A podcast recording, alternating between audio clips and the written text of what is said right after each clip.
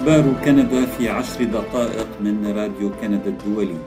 معكم فادي الهاروني وأهلا بكم في حلقة البودكاست الأسبوعية وإليكم العناوين. مئة مليون دولار سنويا من جوجل لوسائل الإعلام الكندية. الوقاية من الانتحار إطلاق خط تسعة ثمانية ثمانية في كل كندا.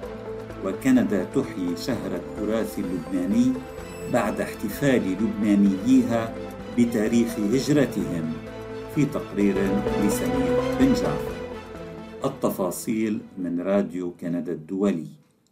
قالت وزيرة التراث الكندي باسكال سانتونج إن الحكومة الكندية وشركة جوجل اتفقتا في بداية الأسبوع على الإطار التنظيمي النهائي الذي سيضع نظام مساهمات لمساعدة وسائل الإعلام الكندية. والمبلغ الإجمالي للمساهمة التي ستدفعها جوجل والتي سيتم تضمينها في التسوية هو 100 مليون دولار سنويا. وهذا مبلغ نهائي تتم فهرسته سنويا تبعا لمعدل التضخم. إنها حقا لحظة تاريخية قالت وزيرة التراث الكندي يوم الأربعاء في مؤتمر صحفي أعلنت فيه التوصل إلى الاتفاق. هذه أول مرة يتم فيها وضع آلية شفافة بهذا القدر، أضافت سانتونج. والتسوية تتيح لجوجل التعامل مع مجموعة واحدة تمثل كافة وسائل الإعلام المؤهلة بما فيها وسائل الإعلام المجتمعية.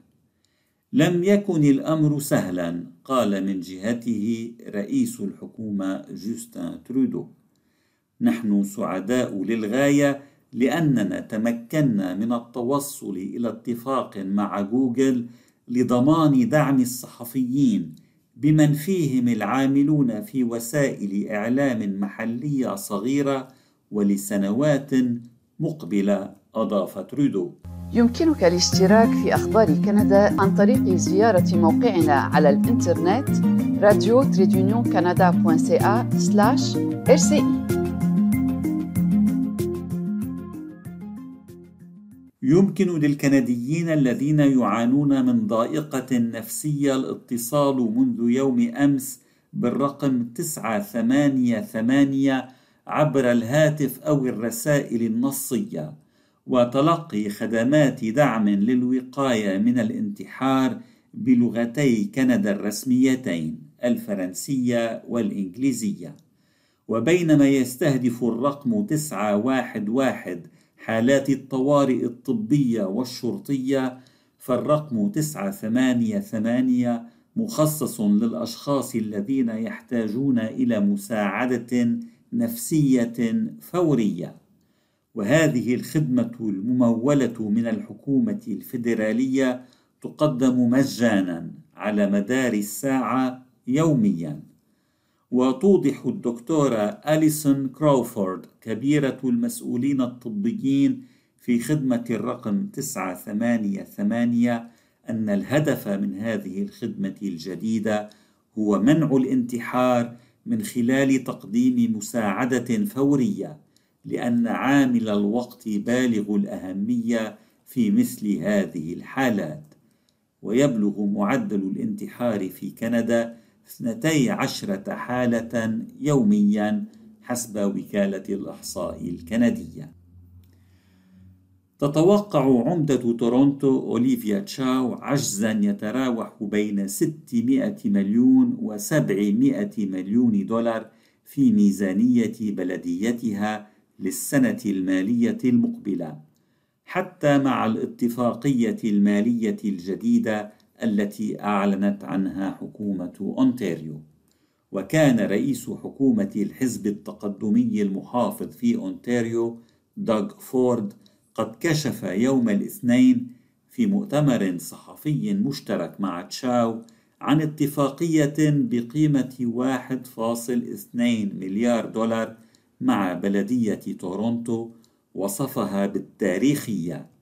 ويتوزع هذا المبلغ على ثلاث سنوات ويهدف لمعالجة المشاكل المزمنة في ميزانية عاصمة أونتاريو وكبرى مدن كندا لا سيما في دعم بنى النقل التحتية وتوفير مزيد من المال للمتشردين الذين لم تعد المآوي التابعة للبلدية تكفي لاستقبالهم. ساهم النمو الضعيف في التوظيف في كندا الشهر الماضي وهو بنسبة 0.1% فقط ساهم في ارتفاع معدل البطالة بمقدار 0.1 نقطة مئوية مع استمرار النمو السكاني في تجاوز نمو العمالة كما جاء اليوم في بيانات صادرة عن وكالة الإحصاء الكندية. فقد أضاف الاقتصاد الكندي 25 ألف وظيفة وارتفع معدل البطالة من 5.7% في تشرين الأول أكتوبر إلى 5.8% في تشرين الثاني نوفمبر. وعلى الرغم من أن معدل البطالة لم يرتفع سوى بشكل طفيف بين هذين الشهرين فقد بلغ مقدار ارتفاعه صفرا فاصل ثمانية نقطة مئوية منذ نيسان أبريل الفائت. ووفقا للوكالة الفيدرالية أضاف الاقتصاد الكندي الشهر الماضي ثمانية وعشرين ألف وظيفة في قطاع التصنيع وستة عشر ألف وظيفة أخرى في قطاع البناء. وفي الجهة المقابلة فقد قطاع تجارتي الجملة والتجزئة سبعة وعشرين ألف وظيفة وقطاعات المال والتأمين والخدمات العقارية وخدمات الإيجار ثمانية عشر ألف وظيفة الشهر الماضي في محصلة صافية. أنت تستمع إلى البودكاست الأسبوعي من راديو كندا الدولي. احتفلت الجالية اللبنانية في كندا للمرة الأولى في تاريخ تواجدها في البلد بشهر التراث اللبناني الذي يصادف نوفمبر تشرين الثاني. ودخل القانون الذي يكرس شهر التراث اللبناني في كندا حيز التنفيذ في العشرين من يونيو حزيران بعد عملية تشريعية استمرت حوالي عام منذ طرح مشروع القانون S 246 من قبل عضوة مجلس الشيوخ عن مقاطعة نوفا سكوشا السيناتورا جين كوردي. ويوم الأربعاء من الأسبوع الماضي الثاني والعشرين تشرين الثاني نوفمبر وبمناسبة الذكرى الثمانين لاستقلال لبنان تم تنظيم حفل رفع العلم اللبناني على تلة البرلمان في أوتاوا للمرة الأولى. وشارك في التجمع عدد من الشخصيات اللبنانية والكندية بمن فيهم ثلاثة وزراء فيدراليين من بينهم وزيرة التنوع والإدماج والأشخاص ذوي الإعاقة كمال كاهيرا ولم يكن من الممكن أن يقام الحفل دون حضور ممثلة دائرة هاليفاكس ويست في مجلس العموم النائبة الليبرالية لينا متلج دياب. وحملت السيدة متلج دياب مشروع تأسيس شهر التراث اللبناني في كندا منذ بداياته ولم تنتظر الجالية اللبنانية شهر نوفمبر تشرين الثاني للاحتفال بوجودها في كندا. فيوم الأحد الرابع والعشرين أيلول سبتمبر في فيكتوريا عاصمة بريتش كولومبيا تم افتتاح ساحة المغترب اللبناني وشارك في حفل تدشين الساحة عدد كبير من أفراد الجالية اللبنانية في كندا خاصة المقيمين في مقاطعة بريتش كولومبيا. وفي حوار مع راديو كندا الدولي أوضح عمر عطية الذي يقيم في فانكوفر منذ عامين وهو من أفراد الجالية اللبنانية في كندا أن هذا الحدث فرصة لإعادة التواصل مع المجتمع اللبناني.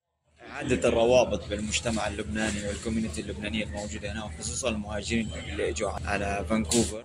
وفي الكلمة التي ألقاها نيكولا قهوجي القنصل الفخري للبنان في فانكوفر شرح معنى العناصر المختلفة التي تشكل ساحة المغترب اللبناني. هذا بنسميه Open Air Museum is offered to the city of Victoria. وتم تشييد تمثال المهاجر اللبناني وسط مساحة خضراء من ميناء فيكتوريا على مسافة ليست ببعيدة عن الجمعية التشريعية لبريتش كولومبيا. وتم تصميم النموذج الأصلي عام 1979 على يد النحات المكسيكي من أصل لبناني رامز باركي ويبلغ ارتفاعه 2.25 مترا وامتداده 1.5 مترا ويزن 600 كيلوغرام. وهناك مزيد من التفاصيل حول هذا الموضوع في تقرير الزميل سمير بن جعفر على موقعنا. حلقة البودكاست لهذا الأسبوع انتهت. شكرا لإصغائكم. thank you